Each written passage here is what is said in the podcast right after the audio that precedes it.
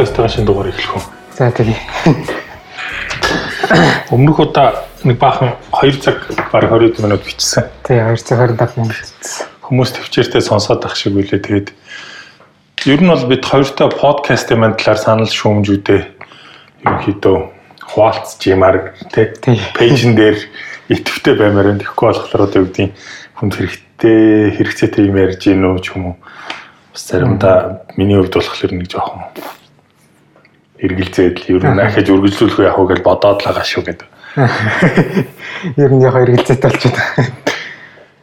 За энэ 7 хоног бас өнгөрсөн 7 хоног ерөнхийдөө технологийн салбарыг бол аягүй онцлог. Тийм. 7 хоног боллоо тий. Аа нэгдүгürt мэдээж аа Монголд хамгийн анхны удаа Dev Summit болсон. Тийм Монголын хамгийн анхны хамгийн том хамгийн том тий. Dev Summit болсон. Тэгээд Facebook-ийнхэн болохоор F8 гээд тийм хурлаа хийгээд А энэ 7 хоногт болохоор бас Google I/O болж байна. Тийм Microsoft Build бас нэмэгдээд. Тийм PyCon Python-тэй үед бол PyCon болж байгаа тий. Тэгээд гэх мэтлэнгээр ингээд маш олон хурлууд болж байна.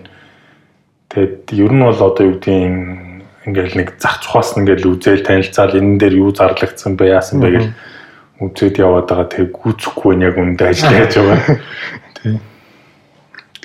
Dev Summit дээр чамд ерөнхийдөө ихээр санагдсан зохион байгуулалтын хувьд тэр талаараа илүү жоох юм. Dev Summit бол яг нэг Монголд анх удаа зохион байгуулагдж байгаа гэж байгаа ч гэсэн айгүй сайн зохион байгуулагдсан юм санагдчих надад бол. Анридийнхан бол чаддаг болсон л тий. Анрид бол үнэхээр яг нөгөө ийм ивент конференсийнхаа нэг л үнэхээр хатгацсан билээ. Бацчихсан. Тий. Тэгээд корпорат дээр чи ингээд урд урдны ингээд ивент мэвент яг яг технологийн биш гэхдээ өөр юмны ивент дээр ороход чи ингээд нэг арай өөр өгдөг гэсэн чинь хүмүүсийн ингээд байж байгаа байдал тэгэл нэг зохион байгуулалт айгуу жоохон дутагдaltaй энэ зөндөө байдаг гэсэн. Тэгээд энэ удаад самт болохоор чи ингээд бүх юм яг цагтаа эхэлсэн. Тэгээд яг л гадны нөгөө нэг технологийн конференс торлууд чиг те ингээд энэ тэнд ингээд ярианууд нь зэрэг яваал хажуугаар нь воркшоп яваал эхний одоо нэг хоёр дахь яриа өгчих чинь дээр ингээд women in tech гэх дахиад яриан зэрэг явагдаж байгаа. Тэгснэ цаана дахиад воркшоп нь явагдаж байгаа. Тэгснэ эхний аа нөө ярьсан хүмүүс гарч ирэнгүүтээ ask me anything бодонд очиж суучих жоох. Тэгэл нөгөө доод э, том зааланд байжсэн хүмүүс чинь эхний өмнөөс асуух юм байгаа бол шууд гарангуудаа ask me anything дээр очил юм асуучиж байгаа. Тэйгөө цэвэрхэн маш зохион байгуул сайтай болсон гэж дүгнэж байгаа. Харин бүр өглөө 8 цагт йога хийхээр баг 300 хэдэн ирсэн мэрсэн ингээ. Амар ер нь бол юу гэдгийг манай технологийн салбархан айгүй итгэвтэй. Тэгээд ерөнхийдөө яг Ямархуу өдрөлөг үйл ажиллагаагаар бүр цангацсан байсан л та угаасаа. Угаасаа ерөөс зохион байгуулагддаг болчиход. Тийм. Тэгээд ер нь маш сонирхол би үдээс үдээс хоохон ер нь бол яг дундаас нь ирсэн. Тэгээд IoT тэгээд тэр нэг мобайл дээр Uber-ийн инженер Uber тэгээд Uber-ийн инженер хурж ирсэн. Тэгээд дээрэс нь тэр нөө бас Airbnb-ийн нэг бас инженер ирээд microservice-ийн тухай яриад ерөнхийдөө microservice ер нь яагаад хэрэгтэй, ерөнхийдөө Airbnb яаж хийсэн бэ гэдэг тухай ярьсан. Ер нь бол бүгд миний хувьд бол болохоор яригдсан бүх сэдвүүд ер нь маш сонирхолтой байсан. Тэгээ монголчуудын хувьд болохоор яг уу яг нөө Uber-ийн миний нүг хамгийн анхаарч сонсон болохоор Uber-ийн инженери яриа байсан шүү дээ. Тэр чинь яг Uber яаж код өгжүүлдэг, мөжүүлдэг ингээд тэгээ нөө AM дараа нь би нүг React Native-ийн тухай нэг хальт яриад Тэгээ имей дээр очиод зэрэг бараг шахуу зэрэг очсон л доо тэгэл манайхан болохоор яг гаруусны аппликейшн яаж хөгжүүлдэг, яаж тестлдэг ингээл ерөнхийдөө маш их зүйлийг сонирхож асууж ирсэн. Тэгээд бидний хувьд бол юу гэдгийг ер нь бол тэгээд араас нь Dev Summit-ийн араас явж байгаа сэтгэлдлүүд энэ төр болохоор маш их юм сонир сонслоо тэг чихээ нэлээ. Тэ оюун бодолтой ерөнхийдөө нэг жоохон салхи оруулаа. Одоо энийг ахаад нэг жоохон практик дадлага болгож авах хэрэгтэй юм байна гэсэн сэтгэлдлүүд нэлээд л явж исэн л та. Нэг тиймэрхүү. Тэгээд мэдээж зохион байгуулалт бол янзын тэгээд 400 төгрөгийн илүү үнэтэй. Өдрийн хоол тий. 300 төгрөг. 300 илүү тий. 300 төгрөгийн өдрийн хоол. Тэгээд яг нэг гадны би нэг хэд хэдэн хурал дээр очижсэн тэгэхээр тэгэхээр ингээл ус ундаа мундаа бүгд үнгүү. Тэгээ пив нүг байх шүүсэн. Тэгээ ус ундаа бүгд ундаа хөрцөө гэжсэн баг. Тийм. Тийм тэр нөгөө нэг хандивын юмд ерөөдөө оруулах чаа гэдэг. Баахан тэнд баахан кола тавьсан маа. Тийм тэр үнгүйсэн. Тэр нөгөө нэг Аа Мириндагийн нэг шинэ гаргаж байгаа төрөл юм уу? Тийм биз дээ. Тэр харин 200 төгрөг гэжсэн. Аа. Тэгээс айгуу сони юм л одоо ч бид чинь тийм хондаг бол доотлол 1000 төгрөг мөрөөр авчих шүү дээ. Үгүй Тийм. хоол 400-аар авч идсэн. Тэгээ тэр бол айгүй айтайхан л хоол байсан л да тийм. Тэгээд э, зохион байгуулалтын төрөө супер гоё байсан. Тэгээд дизайн, мизайн тэр үүдний ордог хэсэг мэсгний Ингээл тэр бол тийм Тийм тийм мэдрэмжтэй. тийм мэдрэмж нь бол нэг цаанаал нэг тийм айтайхан гоё байсан шүү. Тэгээд дуудахгүй слайдууд нь тавигдах бах, видео бичлэгүүд нь тавигдах юм бол яах юм бол тавигдах үйл ирэх ш. Харин хүмүүс нөгөө нэг хуваараа утсаар бичсэн бичлэгүүдээ бас энэ тэнд оруулаад тавьсан байсан. Аа. Апплод хийгээд оруулчихсан байсан. Чи миний зургийг хажуу талаас нь аваад оруулсан юм дээ. За Dev Summit, Dev Summit супер болсон. Дараа жилийнхийг нь тэгэл одоо хүлээгээл Тий. шин содон сэдвүүд юу ярих уу? Ярих нь уу? Ер нь бол дараа жилийн технологийн чиг хандлага юу ах нь гэдэг дээр бас энэ удаад нэг Амраа маань бас нэг зохион байгуулалтанд оролцсон учраас аа, дэлхийд даяар явж байгаа ялангуяа олон улсад те Америкт явж байгаа чиг хандлагыг илүү тусахыг гэсэн. Тэгээд тэнд ч явж байгаа microservice илүү төтөмнүүд ерөнхийдөө яа гэдэг. DevOps, Chaos Resilience гэдэг явчихсан. T team crisis resilience center гэл. Бас ер нь бол яг зүгээр нүн ингээл бодохгүй би ямар сэтгэлийн амараа Аха. бод- бодоол те зүгээр ингээл бодохгүй зүгээр нэг мартаа хийцэн байдаг сэдвүүдийг сануулад жоохон. Те Ер нь бол амар хүмүүс сонирхож дараа нь тэр нөгөө нэг асуултын хэсэгтэр бол ер нь амар хүмүүс очиж сонирхож юм асууж лээ л хм Тэгэл аа одоо DevOps ер нь яаж хийсэн зүгээр ингээл хүмүүс амар их асууж илэн. Тэгэл нэг хүн болсон чинь би яг очиод хажууд нь зогсож ирсэн нэг хүмүүс би ингээд нэг сервер манай компаниас өгсөн байгаа. Тэгээд сервер дээр янз бүр юм хийж дурших гэдэг юм асуугаа сууж ирсэн. хм Тэгэл ер нь айгүй сонирхолтой өр өгөөчтэй нэлийн мэдлэг түгээсэн л ивент болох шиг болсон. DevOps ч юм болохоор миний ойлгож байгаагаар бол яг ихнээд нэг нэг маш олон үе шаттайгаас явж байгаа. Тэрний хамгийн чухал хэсэг нь болохоор continuous integration CI яваад байгаа. Тэгээд CI-г бол бид нэр нэвтрүүлээд бас тодорхой хэмжээнд ашиглаад байгаа. Тэгээд нэлээд хэсэг ашигласны дараа бол одоо сая сүүлний project үүсгэл тэгээд тэгээд тэрэн дээр нэг CI оруулаагүйсэн чинь бас лайз хүүцтэй юм байдаг шүү дээ. Тэгэл яг CI оруулж ирээл өө эн чи ямар гоё юм бэ? Ямар ч айц хүүцгүй ер нь бол хайтаах юм байна гэд тэр талынхаа туршлагаар дараа нь хайлаа бас нэг өөр хөгжүүлэгч дугаар бас зочинтойгоо хийгээд тэгээд тэрэн дээрээ бас ярилцаад яваад бас их сонирхолтой байж магадгүй юм шиг санагдсан. F8 те миний хувьд болохоор энэ нь өмнөх өмнөх жилийн F8-үүдийг би нэг тэгж амар сонирхож үздэггүй байсан байхгүй юу? Ер нь тэгээд нэг кино ерөнхийдөө яг нүн ингээл технологийн том том сайтууд чинь за өнөөдөр яригдсан юм чинь 10 минутанд 7 минутанд хэд минутанд гэл нэг тиймэрхүү юмнуудыг ерөнхийд нь үзчихэл нөө нэг сэдвүүдийг нэг хальтгүй л гэж үзчихдэг байсан. Тэгээд энэ жилийнх төр бол нэлээд хэдэн яриаг нь үзсэн. Хамгийн гол нь яг хөг нөө кинот буюу Марк Цукерберг Facebook-ийг ерөнхийдөө юу гэж харж байгаа юм бэ? Ирээдүйн хаашаа чиглэж байгаа гэдгийг тухай ярьсан. Тэгээд тэр бас тэр үзнэ тий үзээгүй юм. Тэрийг үзээгөө. Би шууд нөгөө нэг шинэ Facebook ямар харагдаж байгаа гэл тэрийг үзэл явцсан. Тийм тэрийг нь ч гэсэн үзэн. Тэгээд нөө нэг Facebook loves Python, Python loves Facebook гэдэг Facebook яг зүгээр нэг одоо юу гэдгийг одоо байгаа чинь нэг зүйл нэг PHP, PHP ажиллаад байдаг юм уу? Яа Тийм тийм. тэр ард нь hack гэдэг нөгөө нэг өөртөөх нь хэсгийг баг шүү дээ. Тэр нь ажилт юм шиг үлээ. Тийм. Тэгээд одоо болохоор шинэ энэ жилийн сүүлээр гарна гэдэг шиг үлээ. Тэгээд одоо бүтэн React тэр бичигдэж байгаа. GraphQL ашиглаж байгаа. Тэгээд мэдээж байгаа client side тал дээр болохоор нөгөө relay ашиглаж байгаа юм шиг шүү дээ. Нөгөө GraphQL өөртөөх нь хийсэн. тэг өөртөөх нь хийсэн. Тэгээд айгуу гоё цагаан дизайнтай айгуу гоё хурдан болж байгаа юм билээ. Гэхдээ нөгөө Facebook-ийн хамгийн гол одоо юу гэдгийг ирээдүйдээ өөрчлөгдөж байгаа нэг юм чиглэл нь миний ойлгосноор шүү дээ. Ер нь бол ингээд бүх нийтийн дэлхийг хамарсан юм гэхээ болоод тэгэд одоо юу гэдгийг яг ингээл за яг тодорхой нэг сонирхлын групп одоо нэг группүүд байгаа шүү дээ. Группүүд нь илүү чухал болоод тэгээ тэн доторх нэг контент удирдах хянах тий тэгээд одоо юу гэдгийг тэн дотор нь байгаа хүмүүсийнх нь хоорондын харилцаа нь илүү байх талаас нь илүү чухалчлаад тэгээ нөгөө шинээр болох шинээр хийж байгаа вебсайтн дээр нөгөө зүүн талд нь баг ингээд бүх гишүүн болцсон байгаа группүүдийн шагсаалтыг гаргаж ирэл дотор нь үздэг тий. Тэгээ дээрээс нь яг хөглөр нэрээ нууж агаад гишүүн нь нэрээ нууж агаад админ да нөгөө хүсэлт явуулаад тэгээ админийн тэрийг өмнөөс нийтэлж өгдөг мөгдөг гэх мэтлэнгээр тий.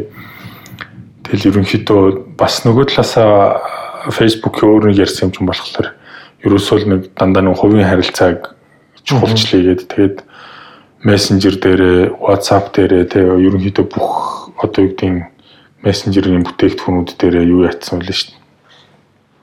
End to end encryption гэдэг юм хийсэн тий. Тэр нь болохоор чинь юу гэдэг яг бичиж байгаа хоёр хүн л нэг нэгнийхээ уншин тэрнээс биш яг юу бичиж байгаа хоорондоо яаж харилцаж байгаа талаар Facebook ч гэсэн ямар ч юуг нь ч мэдэх боломжгүй болж байгаа юм л шүү дээ. Тэгээ одоо мессенжер дээр байдаг шүү дээ нэг secret chat. Secret chat гэдэг гэд нэг юм байгаад идэг шүү дээ.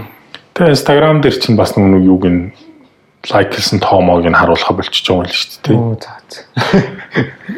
яг нэг хүмүүс ингээд нэг тэрэнд нь ингээд хит автаад ингээд буруу тэрүүгээр уралдах гэдэг нэг Тэгээ бас мессенжер дээрээс юу вэ? Шууд Instagram-ийн DM юм шиг юм руу бичдэг WhatsApp руу бичдэг инээ тэрэг баах юмнууд. Аа, ер нь бол нэгтгэж байгаа юм шүү дээ. Тийм мессенжерээсээ тийм боломжтой болсон мөлий. Тэгэд хамгийн гоё таалагдсан юм нь болохоор тэднийх чинь нөгөө AR, VR хийгээд байгаа шүү дээ. Тэгээд тэрнийхээ нөгөө Spark AR гэдэг тийм фреймворкийг нь гаргаж ирээд тэгээд тэр нь нээлттэй л болгоцсон л л дээ. Тэгээд тэрүүгээр нь ашиглаад хүмүүс гой гой юмнууд хийдэг боломжууд нь гарцсан. Аа нэг тиймэрхүү тэгэл React Native маань тухай ярьсан. Ер нь л тэгэл нөө React-аас болоод одоо нөө Facebook-т илүү дуртай хайртай л болоод л галдаа гэхдээ одоо юу их нүү яах нүү тэгээд бас нөө подкаст сонсож байгаад энэ жил баг хамгийн анх удаа юм ааш энэ чинь Python-ы тухай ярьсан шүү л шүү дээ. Баг тийм баг шүү Facebook дээр чинь ерөөсө Python нэг юм яригддаг байсан шүү дээ. Тийм дотроо маш их хэрэгэлдэг боловч яадгүй тэгээд Facebook чинь Python Software Foundation-ы хамгийн том юу яд гэдэг чинь. Аа. Сонирхол юм байлээ. Тэгээд тэгээд тэнцэнээс яг нэг Python-ийн тухай ярианаас юу сурсан бэ гэхээр Facebook ер нь Python-ыг дотроо яаж ашигладгийг, ямар ямар баангаж ашигладгийг тий. Яаж код илүү өндөр чанартай ойлгоод ингээд талаас нь юу сураад бас нэвтрүүлсэн шүү дээ. Аа. F8 Мэдээ бол тэр нөгөө нэг шин дизайн нь бол яг нэг тийм десктоп аппликейшн ашиглаж байгаа юм харагдчихлаа шүү дээ. Тийм тийм. Бүгд ингээд айгүй цэвэрхэн те. Тэгэл яг ингээд нэг десктоп аппликейшн зориулсан юм шиг. Яг л тэгж харагдсан. Тэр нэг оргил оргилж нөгөө график койлер рекламдж рекламдж байгаа тэгэл F8-ийн тэр нэг шинээр гарч байгаа Facebook.com-ыг үзээд вау ямар гоё юм бэ энийг нэг нэвтрүүлэх хэрэгтэй юм шиг байна сурах хэрэгтэй юм шиг байна гэдэг ер нь сэтгэлд төрсөн тэгээд аа судалж байгаа уншиж байгаа Аа. Тэгээд PyTorch морч ер нь гэхдээ энэ жилийн Microsoft build-ийг ерөнхийдөө хальт үзсэн. Гэхдээ бүр үзээгүй шүү дээ. Google аяа тэгээд Facebook энэ төр дээр бол ер нь бол яриа нь бол тэгэл ихэвчлэн хиймэл оюу ухаан л ярьж байлаа дээ. Яаж зургийг яах юм, машин learning яаж хийх юм, тэрэн дээр ямар дэвшүүлтүүд гарсан, яасан ийсэн ингээл ер нь бол AI бол тэгэл сүүлийн хэдэн жил бол бүр амар болчихлоо шүү дээ.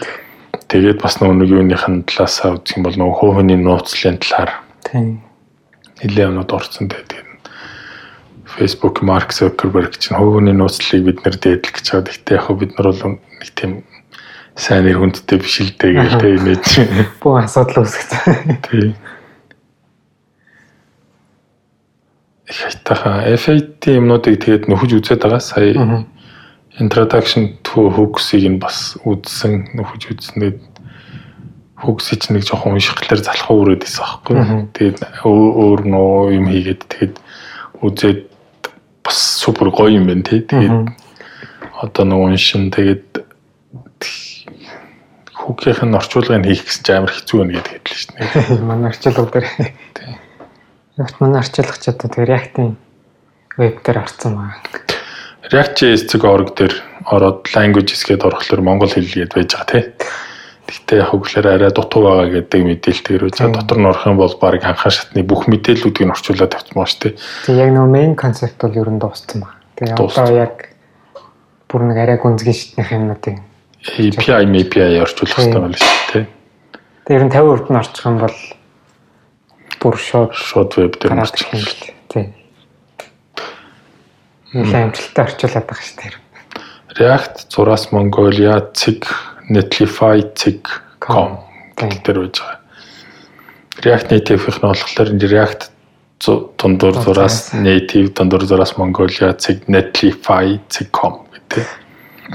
Орчуулаад шинэ pull request үүсгэр автоматар merge хийгдээд тэг шууд тийшээ deploy хийгдэж байгаа. Тийм. Тэгээ дээрэс нь яг үгээр pull request үүсгэснийг превью хийх боломжтой тий. Тэгээ CI тий. Тэр бол айгүй супер гоё болсон шүү. За F8 нэг тиймэрхүү. Ер нь бол Facebook гоё болсон мөлий.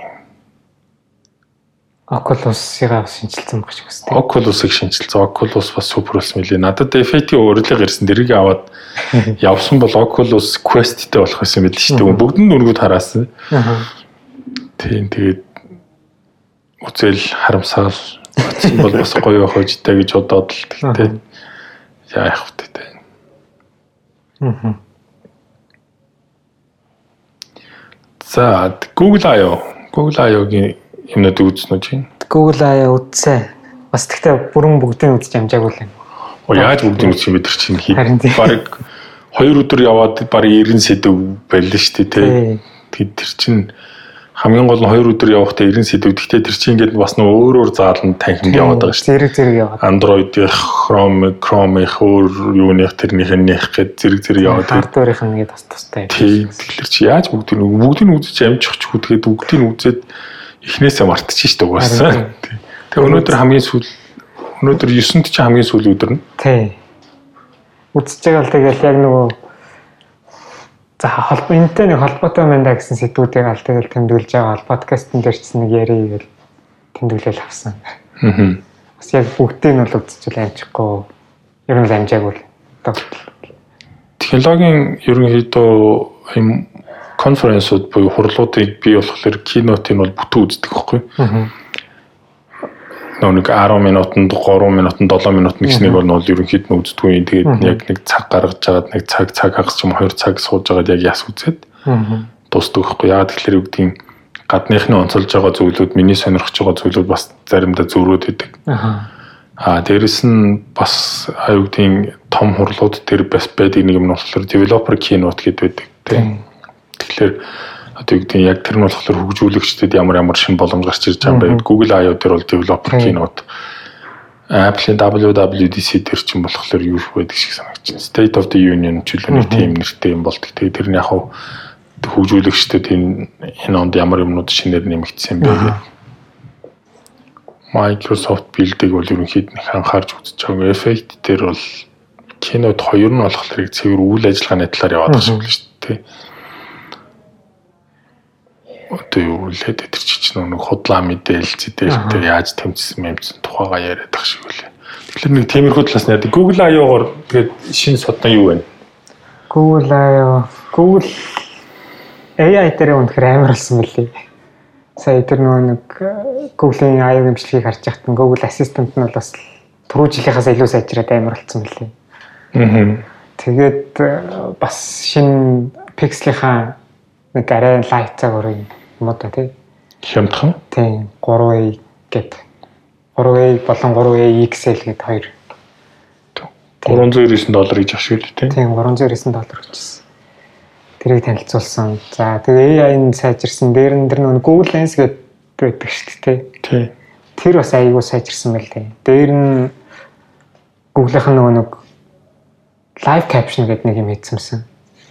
Тэгээд тэр нь болохоор яаж байгаа гэсэн чинь ингээд ер нь бол миний ойлгосноор болохоор Google AI-н сайжрахтаа speech to text гэдэг дээр амар сайн болсон юм шиг үлээ. Аа. Одоо YouTube дээр байгаа чинь бид нар чинь ингээд caption-ыг дарчхаараа нөгөө нэг шууд орон сабтайтлаар гарч ирдэг шүү дээ. тий. Тэгээ тэрийг болохоор нөгөө нэг яг хүмүүсийн гараар оруулсан дээр нь auto generated гэж нэг хоёр төрөл байдаг гэсэн шүү дээ. YouTube дээр. Тэгээд одоо болохоор тэрийг шууд ингээд утсан дээр Google Assistant нь бараг өөрөө хийчихэж байгаа юм билээ. Тэнгүүтээ ингээд би утсан дээр ингээд нэг бичлэг үзчихсэн бол шууд auto caption дарчингууд нөгөө хүний ярьж байгаа юм ингээд доор сабтайтлаар гаргаад явчихжээ. Тэгээд яг энэ дээрээс үндэслээд нөгөө нэг аа өөртөө тэрийг айлаад байгаа юм л нөгөө live relay гэдэг бас нэг прожект үүсгэсэн гэдэг. энэ чинь нөгөө юу нэ хөгжлийн бэрхшээл Тийм одоо нөгөө тийм дүлийн хүм чинь ингээд утсаа ав хүн залангууд нь утсаа аваад тий тэрийг би нөгөө видеог нь үзмэхгүй утсаа авангууд шууд ингээд цаад хүн юм ярангууд шууд нөгөөх нь ингээд текст болж текст болж харагдаад тэнгуүтээ нөгөө нь ингээд текст бичингүүт нь нөгөөд хүндээ цаана яг хөглөр Ассистент нь хэлж өгөөд. уншиж өгөөд тий тэгээд яг л шууд ингээд нөгөө нэг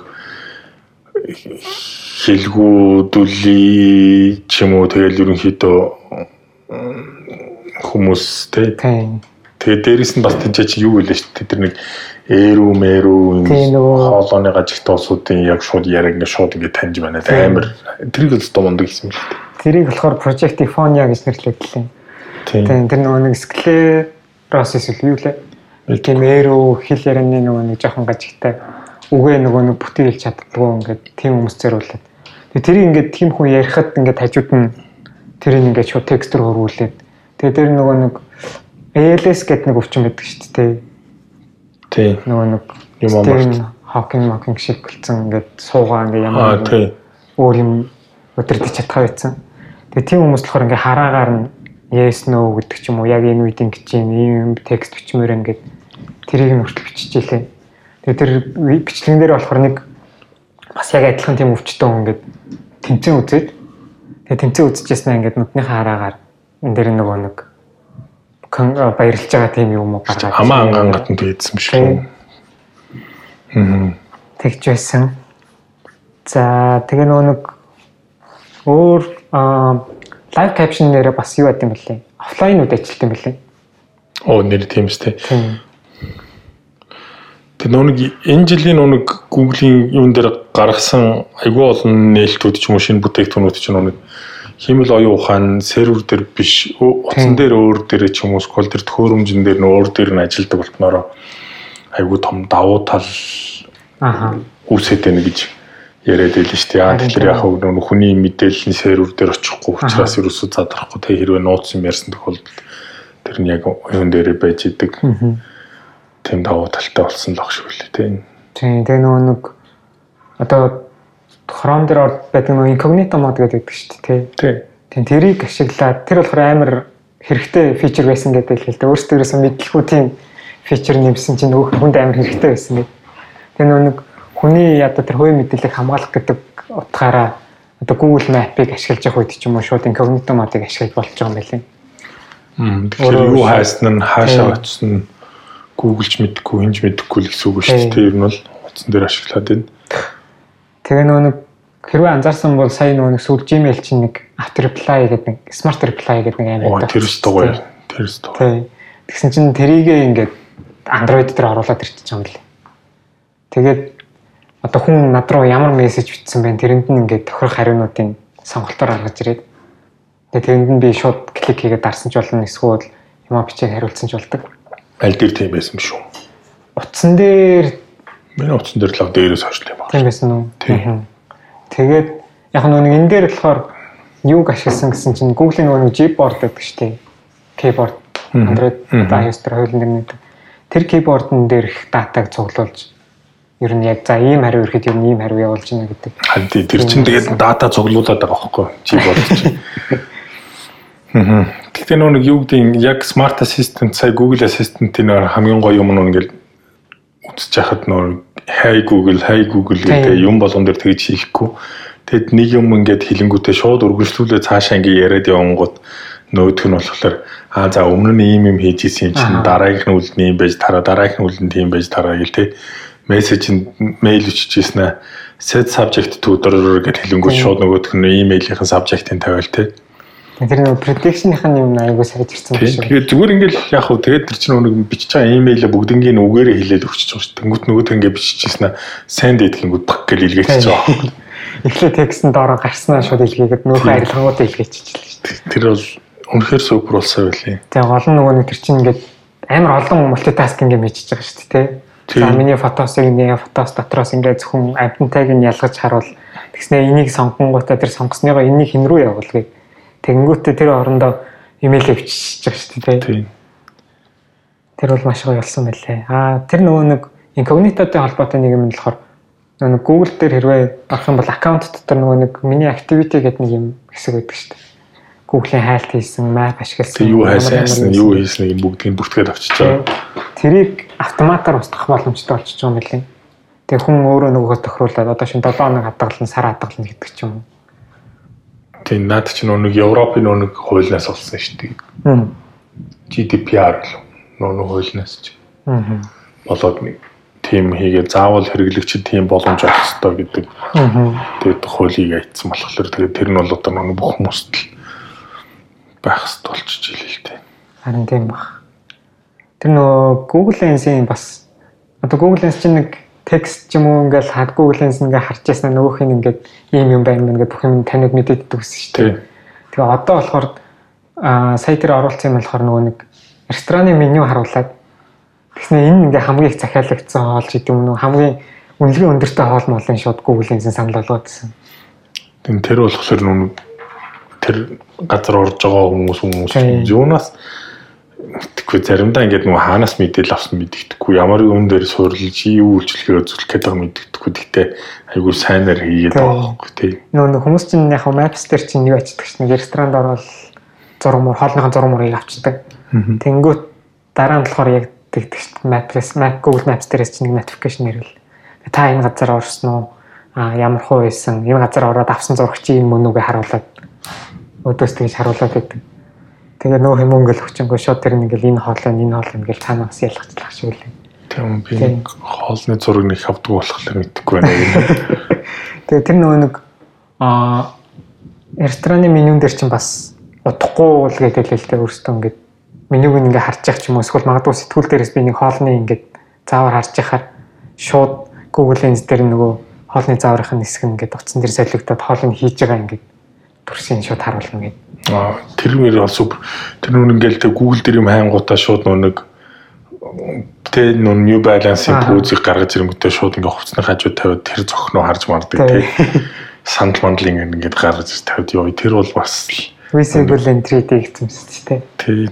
Тэр нүн AR буюу augmented reality ч юм бол бас л үнэхээр амар болчихсон.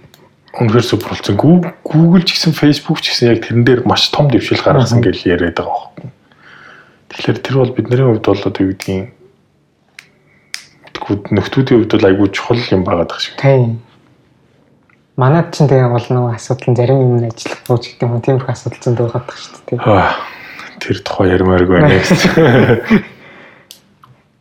За а Android дээр нэр ямар хөө шинэ юм гарч ирсэн бэ? Э, Android дээр ерөнхийдөө нэлээд олон шинэ юм гарсан баг шүү лээ. Би бүгдийг нь үзэж амжаагүй. Тэгээ зүгээр сайн уу developer кинод дээр үзэж яхад чи Android бол тэгэл бас л нөгөө хэрэглэгчийн нууцл моцлыг хамгаалах талаас нь нэлээд сайжирсан. Тэгээд Kotlin одоо ерөөсөл номер 1 хэл болчлоо гэл тэгээд хэлээ. Тэгэнгүүтээ тэр чинь Kotlin чинь нэг DSL гэдэг нэг юм Kotlin бай Kotlin өөрөө DSL буюу domain specific language гэдэг юм үүсгэхтэй айгүй мундаг юм байл л дээ. Тэгээд өөрөөр хэлбэл яг үгээр чи Kotlin-ы DSL буюу тэр боломжийг ашиглаад өөрийн гэсэн хэлээ зохиочч болно. Аа. Тэгээд тэр хэл дээр бичингүү тэрийг нь Kotlin барьж авангото боловсруулад өөр тийш ячиж авах гэсэн чинь нөхдүүд compose гэдэг нэг UI бичдэг юм гарах зүйл шүү дээ. Баг ингээд HTML бичиж байгаа юм шиг ингээд бичээд tag magnet гэдэг ингээд дотор нь бичиж байгаа пакет ингээд нөгөөдх нь ингээд Тэгээ яг ингээл интерфейс болоод хувраад ажил мажилт юм хэцүү л шүү дээ. Тэр бол супер үлээ тэгээд. Kotlin л одоо ерөнхийдөө бол primary language болчлоо гэсэн. Android-ийн. Тий. Тэг маш олон ерөнхийдөө шинэ юмнууд ахшгүй би тэгээд developer кинотын үз туусаагүй бас What's new in Android гэд бас тэнцэн аюу олон юмнууд яригдана гэдэг мөлөө. Тэгээд Android дээр нэлээд олон шинэ юмнууд нэмэгдэж чад. Гэтэ юу гэдэг нь миний бодлоор хамгийн том шинжилтүүд болохоор чинь нэг сая O дээр орсон тий. Дараа нь pi дээр орсон. Одоо Q дараах нь юу гэсэн гэлээ. Харин X гэж нэрлээд байсан. Шууд. Ягаад үсэрч үсэрч чинь үү эсвэл албаар зүгээр Android X-ийг чандуураад байгаа юм шүү дээ. Мэдээ. Тийм магадгүй юм шүү нэрэ ботсон чи. Тэгээд юу яж foldable API чинь хэзээс гарч ирлээ? Q-дээс орж ирлээ. Мэдгүй Android X дээр орсон баг. Android X дээр орсон.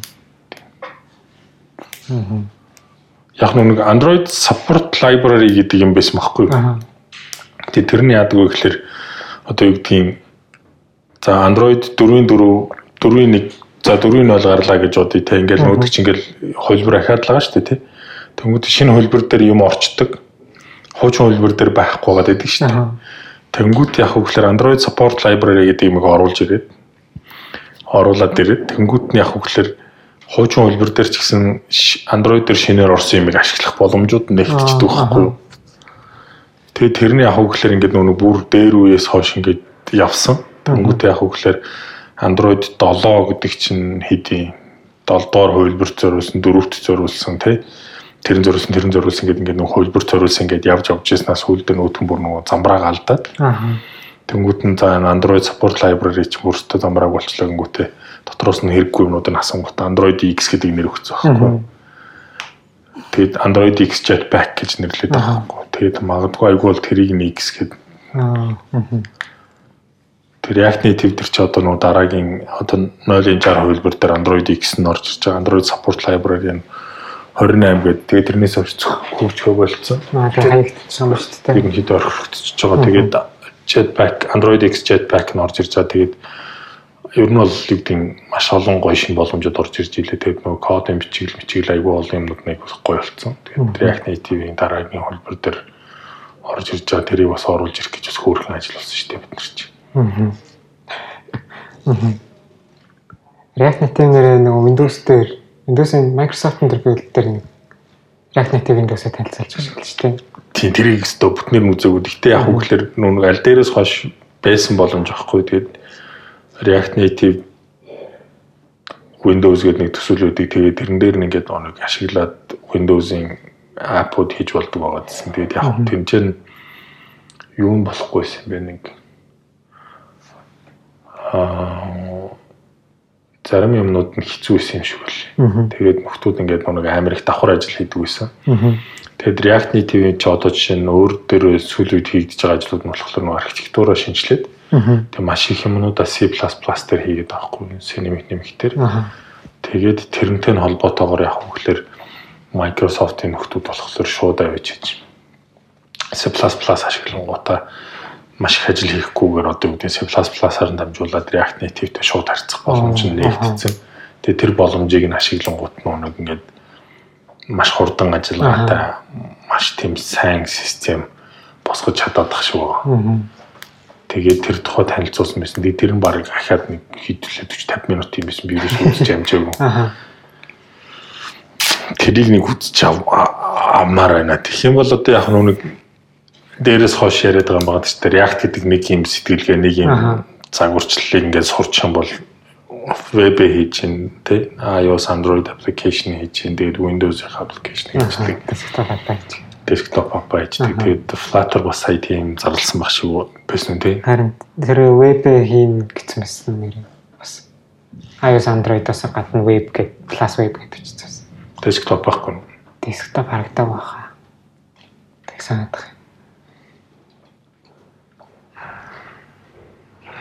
Flutter-ыг нэг нүдэрээ ч хараагүй байгаа гэсэн. Эсвэл ер нь айгүй завгүй байгаа тэгээд Flutter-ыг магадгүй ашигладаг нэг хөгжүүлэгчийг ч юм уу урьж оролцуулж ярилцвал бас арай өөр бах тийм. одоо нэг Android дээр саяны бас нэг яриад байгаа юм тэр юу вэ л шүү дээ. Э нэг юуных нь код ерөнхийдөө болох баг бичүүлээ те илүү амархан болгоё гэд тэгэнгүүтээ авчиад нөө нэг чи үзсэн шүү дээ developer кинотын үзсэн шүү дээ тэн дээр ингээд ингэснээр нэг Kotlin дээр нэг класс зар класс зарлаад нөө ганцхан мөртэй тэгсэн чинь за энэ нэг адилхан юм хийдэг Java код гэсэн чинь мангар гэсэн чинь юу л тэр чинь хорооны фитнес хийх гээд Kotlin кодн дээр комент бичдэг болж байгаа гэсэн. Арай баг биччихлээ гэж бод. Арай арай л арай л баг код болт шүү. Ер нь бол баг миний харуул 30-аас 40% арай баг код болох. Миний хувьд болохоор нүг ингээд Python анханаас нь ингээд сураад бичсэн болоод ч тэр үү Java-гаар сэтгэхэд надад айгүй хэцүү байгаад идэх байхгүй. Ингээд бүх юм класс класс гэж. Харин Kotlin дээр ороод ирэхлээр чинь Kotlin ч өөр айгүй тийм өөр мэц гоё хэл учраас надад л ер нь ингээд дээр нь суугаал ингээд Kotlin дээр код чиглэлээр цаанаасаа нэг тийм амар гоё санагдаад идэв. Аа. Google аяа дээр аа сайн нөгөө Chrome дээр шинэ нэмэлттэй API-ууд бас амар юмуд гарсан юм билий. Аа. Тэгээ нөгөө нэг аа 5 уул нь бол аль дээр гарсан гэсэн мэлтэй 60 7 онлоо төрж гарсан баг шиг. Тэр нөгөө web share API гэдэг. Тэр нөгөө web дээрээс шууд share button дарангууд утсан дээр бол шууд өөрийнх нь нөгөө share API-г ашиглаад доторгоо аппликейшн руу шеэрлэх боломжтой нэг тийм гарч ирдэг. Аа.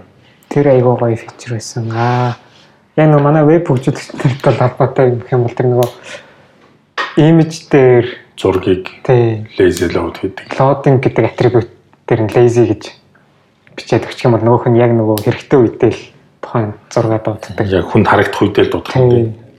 Тэгээд тэрийг iFrame дээр бас ашиглаж болох юм билий. Тэр чинь бол хийх гэж JavaScript JavaScript-ээр маха иддэг үстэй тий ер нь.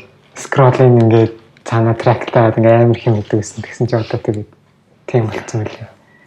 Тэгээ iFrame гэснээс бас тэр нэг Portal гэдэг нэг аягаа юм гарсан л. Оо тэр портал бол супер юм л. Би тэр зүгээр нүг юуг нь харсан. GIF-ийг харсан. Тэр бол ингээд нүүн ингээд дэлгэц ингээд шилжилт мэлжилт бол үнэхээр супер юм а тий. Нэг дээр шинэ нэг асуудал нь буцаага навигейт хийж ирэхэд амар асуудалтай байгаад дтгсэн. Аа. Тэгсэн чинь Portal болохоор iFrame-ыг single page application-тэй ерөөдөө бараг хослуулсан нэг тийм гэж өөрсдөө тайлбарлаад л тийм. iFrame. Тийм одоо single page application-ы дагуу талыг iFrame дээр авчирсан гэж. Аа. Тэр нь болохоор Portal гэдэг нэг элемент үүсгэж байгаа юм байна. Одоо нөгөө div гэдэг нэг элемент үүсгдэг шиг. Аа. Тэнгүүтээ тэр дотроо одоо source нь юу юм, ямар юу арил дуудах хэвээр юм. Тэр нь аа style нь ямар юм байгаа гэт тэрээр бүгдийг заагаад өгч болдог. Тэгээд нөгөө яг хизээ дуудад актив болох юм болох юм ч юм уу тэр нэрээ бүгдийг бичээд өгч болно. Тэнгүүт одоо аа тэр нэг Японы нэг манганы нэг веб байсан ашигласан. Аа. Тэр болохоор ингээд манга ингээ уншаад явж хагаад дуусангууд дараагийн чаптерын доор нь тэгээ гаргаад ирчихжээ. Тэгээ нөгөө нэг Google AI өөрсдийнх нь харуулсан жишээ болохоор нэг юм хоолны веб дээр нөгөөх ингээ ашиглаж ирсэн дотлын дараагийн нэг меню ч юм ингээ дарангууд нөгөөх нь шууд нөгөө веб дээр нь байгаа ерөө усрээд орчиж байгаа хэрэг. Тэнгүүдээ дээр нь юу арилан солигдоод тэгснэ бэклангуудаа дахиад дотлохыг дарсан дахиад нөгөөх рүү усарч ороод тэр дотроо шууд карт март add to cart mark гэдэг өөр юм руу хийгээд Web dev гэдэг нэг сайт нээсэн багш байл шүү дээ. Тэр нөгөө байсан юм. байсан. Google-ийн нөгөө нэг веб хэрхэн хийх яг яаж зөв хийх вэ гэж Framework-ууд гэсэн чинь ганцхан React байл шүү дээ. Яа гэх юм бол нэр нь. Уул нь бол өөртөө Angular хийдэг хүмүүс дэмжих хэрэгтэй. Angular байж хат яг Angular нь байхгүй React байгаа гэдэг. Яг нөгөө нэг хитрхи их хүн ашиглаж байгаа учраас тэгэл их хүн ашиглаж байгаад нь зөвлөгөөг нь ингээд өгч хэл татсан баг л та.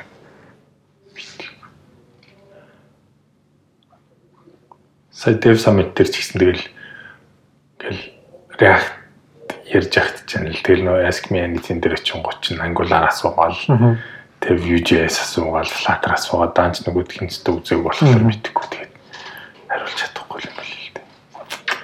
Тэгээ нөгөө нэг Android дээр бас нэг орсон боломж нь юу вэ? Хуучин нөгөө нэг хуудас шилжилтэн дээр Chrome дээр нэг хуудас шилжилтэн дээр нэг цагаан флаш ингээд анивчаад идэг гэсэн. Тэгээ тэр нь болчихж байгаа юм байна. Тэрний өөрөөсөө paint holding гэж нэрлэдэг л.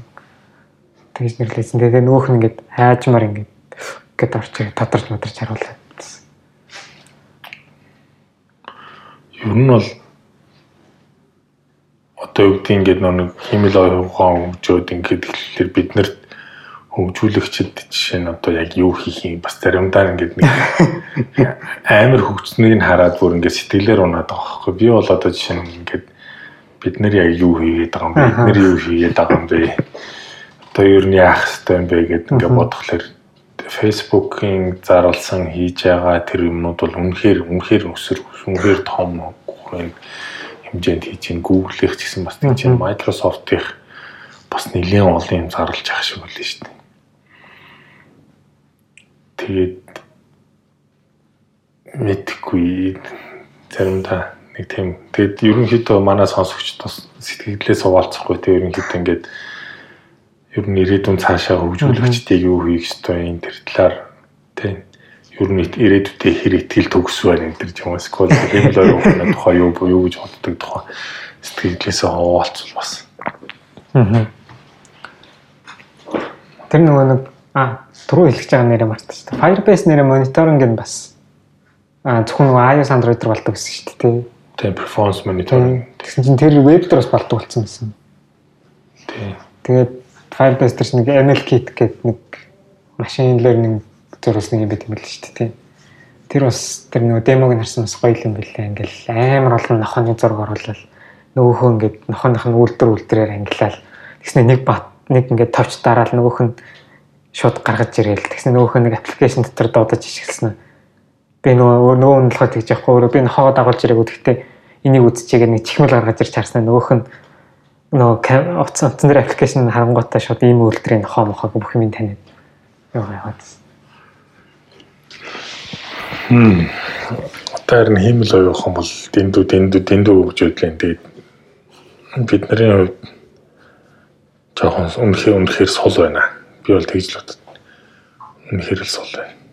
Химэл оюухан хөгжөөд зүгээр ингээд хэл зүгээр хүн ингээд өөрөө нэг товч мовч янз бүрийн дарахгүй шүү тэгэл бүх юм хэлээ явчихж байгаа болохоор ер нь бол одоо ирээдүйн чиг хандлага тийм байгаа даахгүй. AR бол байна те яг тэгэхээр нөгөө бодит амьдрал илүү баяжуулж штэ те. Тэгээд дараагийнх нь юм болохоор за VR бас нэлийн сайн явах гэдэг. Тэгээд дараагийнх нь voice харилцаа тийм ерөөсөө утас муц бүх юмаа тэгэл voice-оор удирдал тэр ёо тэр юу лээ Google Home Max жилүүдтэй тэрнийг бол бас л гоё юм лээ.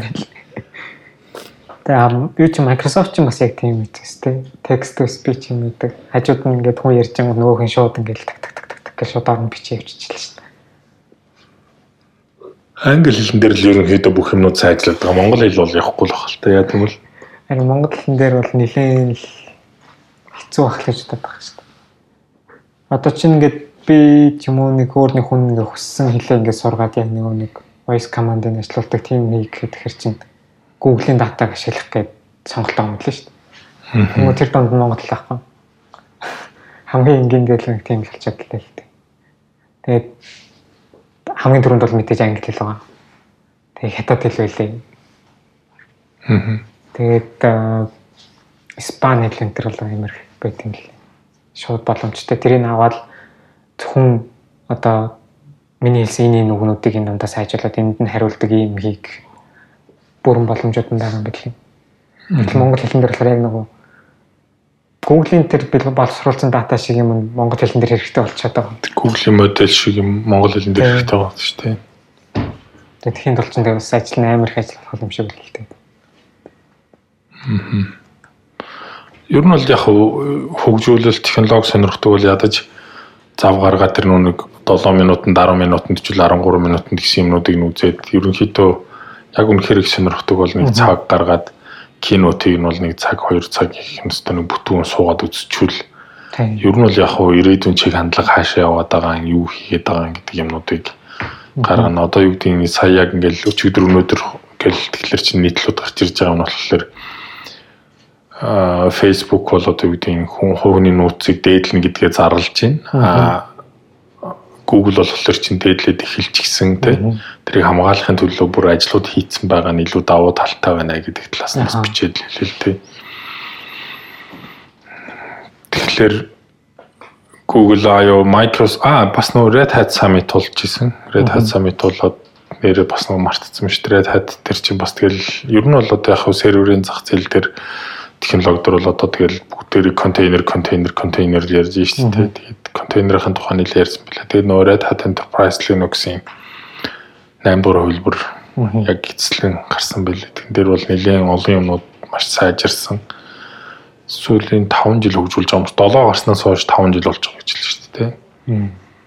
Тэгээд илүү контейнер friendly болсон гэдэл хэлээ. Тэгээд бүр нарийн юмнуудыг бас үзэж хамжаагүй. Энэ бол сүүлийн тоног нэр ажил ихтэй дээрээс нь уншиж судлах юм ихтэй. Тэгээд алийг нь яаж хизээ хийх үү гэдэг бол бахан хэцүү сонголттой. Тэгээ нэг яриагийн сонсоод эхэлчихлээр бүр ингэж живчээд байгаа байхгүй. Тэгээд нэг мэтгэд бол өдөржингөө үзээд ч дуусахгүй, хэдэн өдөр үзээд ч дуусахгүй маш их мэдээл, маш их сонирхолтой мэдээлүүд гарч байна. Тэгээ зарим нь зүгээр сонсоод орчих хэрэг болохгүй заавал үзэхгүй болов. Тийм, тийч чи ингээл энийг хараа гэдэг тэр чинь нөгөө хийж байгаа юм уу хаяа харахаас өөр аргагүй болчиход байгаа.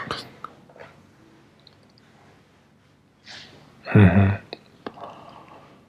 За, өөр өөр нөгөө бас нөгөө бид хоёрын хийх гээд байгаа юм болохоор их сургуулиуд дээр явж React React Native-ийн тухай танилцуулга өдөрлөхүүд хийгээд тэгээд нөгөө их сургуулийн оюутнуудаас бас дэмжлэг авмаар байгаа тийм. Тэгэхээр яг холбооны сургууль, MOIS, MOIS дээр ерөнхийдөө хийн. Тэгээд хайс дээр бас хийгээд ярьж гин. Тэгээд өшөөний ганц хоёр сургууль хувил хийгээд энэ сарын 5 сарын 15 16-нд нэг 3 4 ч юм уу скол 5 сургууль дээр очиод нэг 2 цагийн хөтөлбөр хийгээл те. React гэж юу юу юм бэ? Ямар ямар давуу талтай юм бэ? Тэгээд яаж юм хийх вэ? API хийх юм бэ? Яаж веб хийх юм бэ гэдэг талаас нь ерөнхийд халт халт танилцуулаад үзүүлээд тэг групп дээр оруулаад явуулчвал хамгийн гол нь одоо яг хөглөр нэг гой боломж гарчаад гарч ирчээд байгаа нь одоо яг сурыг гэхэлэр нөх хэл хэлний асуудал үүдэх гэсэн бол React JS-ийн нэлээд их материалууд ерөнхийдөө монгол хэл рүү орчуулагдсан тийм орчуулсан. Тэгээд Эрдэнэ зул маань бол маш их ёо. Тэгээ нэг өдөртөл нэг нэгээр нь орчуулад айгуу сайн орчуулсан. Тэгээ сүүлийн үед нэг орчуулганд оролцож байгаа хүмүүсийн тоо бас айгуу сайн нэмэгдэж байгаа тийм. Уг үсгийн алдаа засаж байна, нэг цэг тасал засаж байна. Тэгээд ерөнхийдөө маш олон хүмүүс маань оролцоод эхлүүлгээс орчуулагдаад дуусчих واخ. Тэгээд одоо яг юу гэдэг технологи хэлний асуудал болоод ерөнхийдөө барыг яг үндсэн юм дээр бол барыг байхгүй болчихлоо шүү дээ тий. Одоо яг нэг ингээд бүгдийг орчуулдаг болсон бол дараа нь бол хийгдэх ажил айгу цөөхөн шүү дээ тий. Өчигдөр яг үндсэн докюменташн дээр үндсэн англи хэл дээр хийхдээ нэг өөрчлөлт орлоо гэд тэрэг нь мэдэгдээд зулаа маань нийлүүлсэн баг шиг л шүү дээ.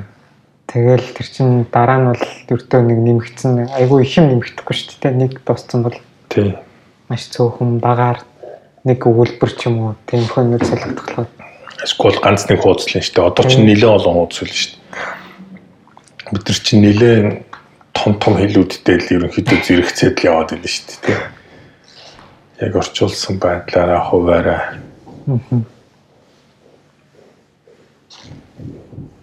Өөр сон сайхан юу нэр?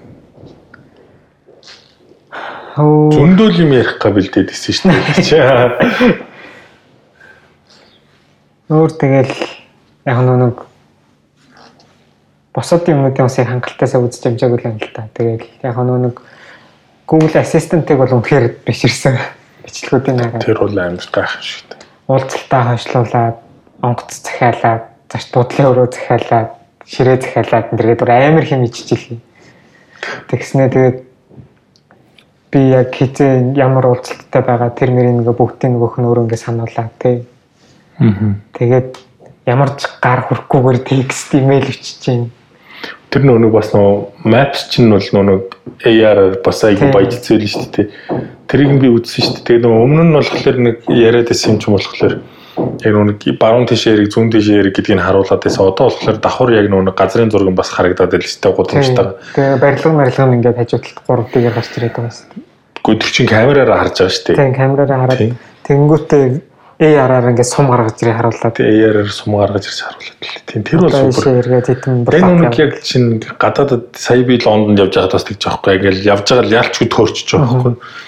Тэгэл нүүн ингээд нүүн яг тэрэн дээр чинь нүүн асуудал гарч ирсэн. Уцаа барайл ингээл эргэж байгаа юм чинь нүүн юм цэнхэр цэг нь хаашаа харах нь тий. Би хаашаа явах хэвэл зөв явж гинөө буруу явж гинөө гэл ингээл нүүдх ингээл хараад нэг эргэж үзэл нэг нөгөө тийшээ эргэж үзэл тэгэл нүүдх нь хугацааны хоцролтой байх байх юм болов уу гэж бодвол ингээл хэсэг хараал тэ ураг шагааныг алхаж үзэл, хойшоогоо нэг алхаж үзэл.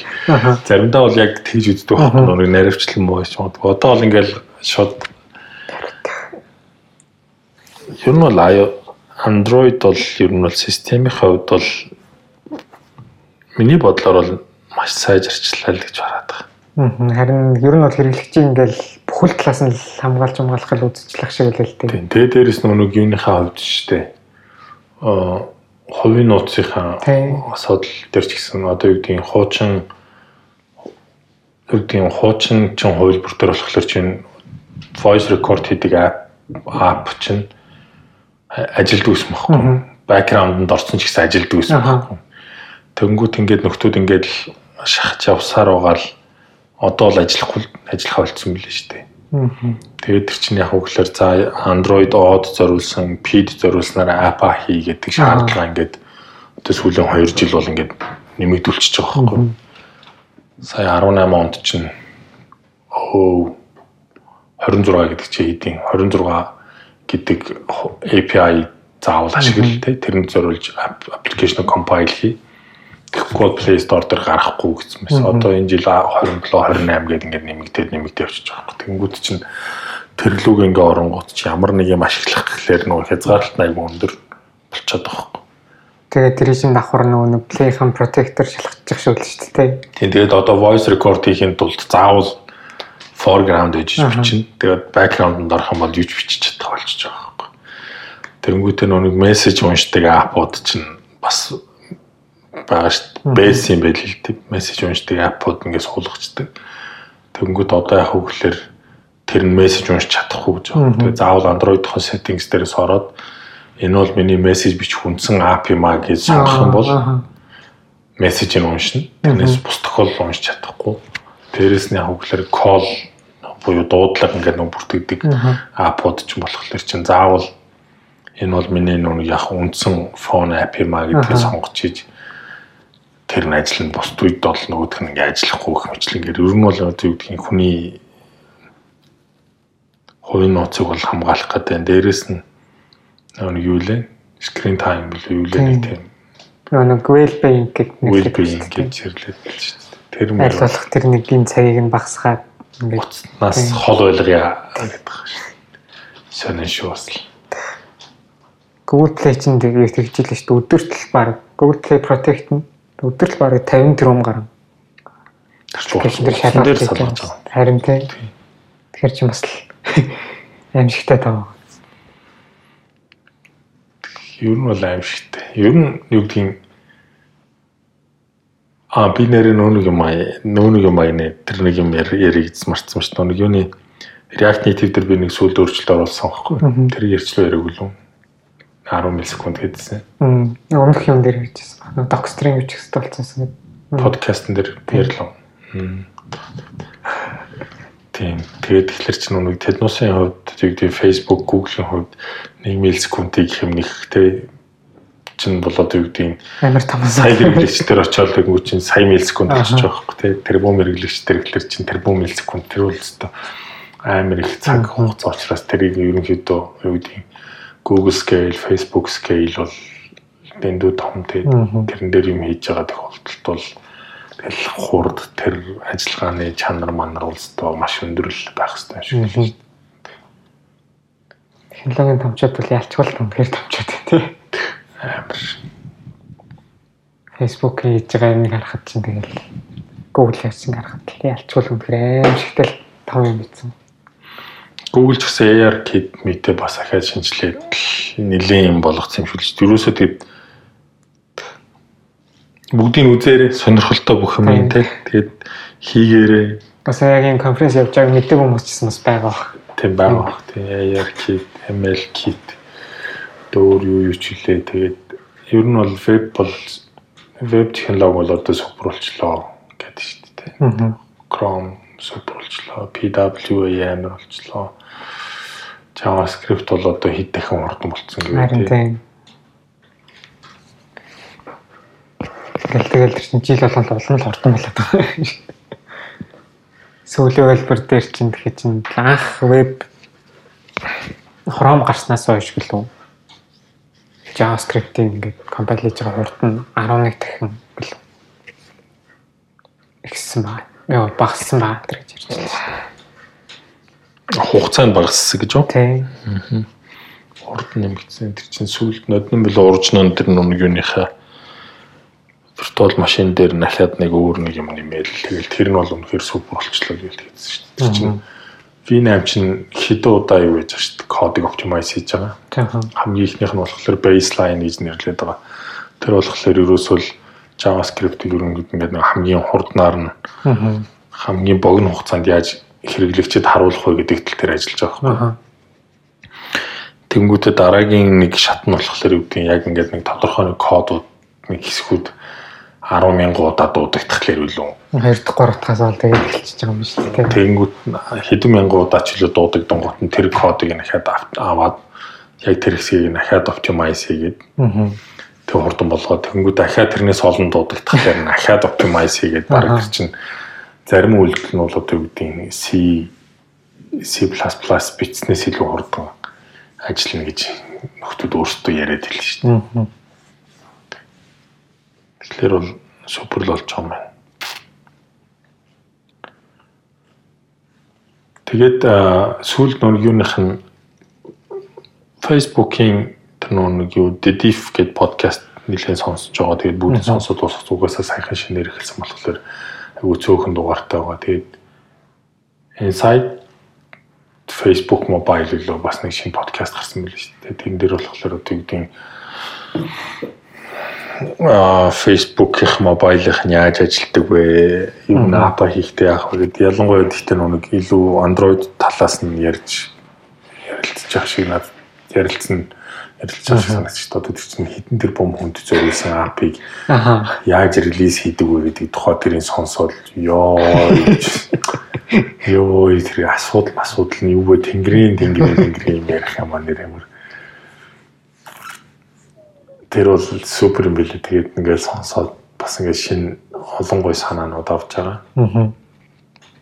чамд санал болох өөр гой подкаст юм Аа. Би сүүлийн үед тэр нөгөө нэг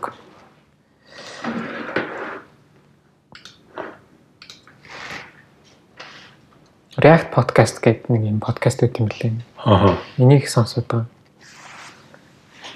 Энэ бас гараад явах нэлээд удсан юм байл л дээ. 18 оны 1 сарын 30-наас анхны дугаар нь эхэлчихсэн гэдэг.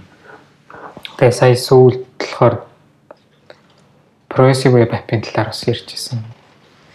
Тэгээ тэрийг нь сонсоод явж байгаа. Энэс нэлээд гоё юм билээ. Ерөөхдөө дан нөгөө нэг олон юмны талаар яриад байхгүй ерөөсө зөвхөн React-ийн талаар ярьцдаг. аа Тэгээд хажуугаар нь React Native бас ярьдаг байсан.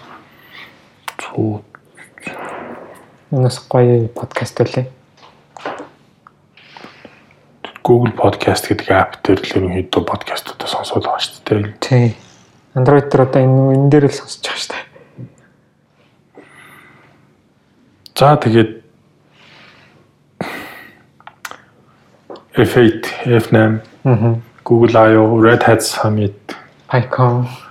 PyCon, Microsoft Build одоо эднүс чинь тэгэл хайшин шууд ингээд болоод тэгэл маргааш нь л хэдхэн цагийн дараа шууд ингээд бичлэгүүд нь YouTube дээр ороод гэхдээ F8-ийнх бол developer facebook.com дээр байх шиг л шүү дээ. Developer facebook.com дээр.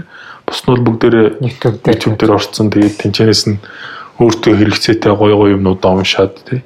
Тэгээд CI дээр гоё гоё юмнууд нэвтрүүлсэн тэр туршлагаас одоо дараа дараагийнхаа нэг дугаар дээр нэг зочин гоё зочин оруул хийгээд яриад байгаа. Аа.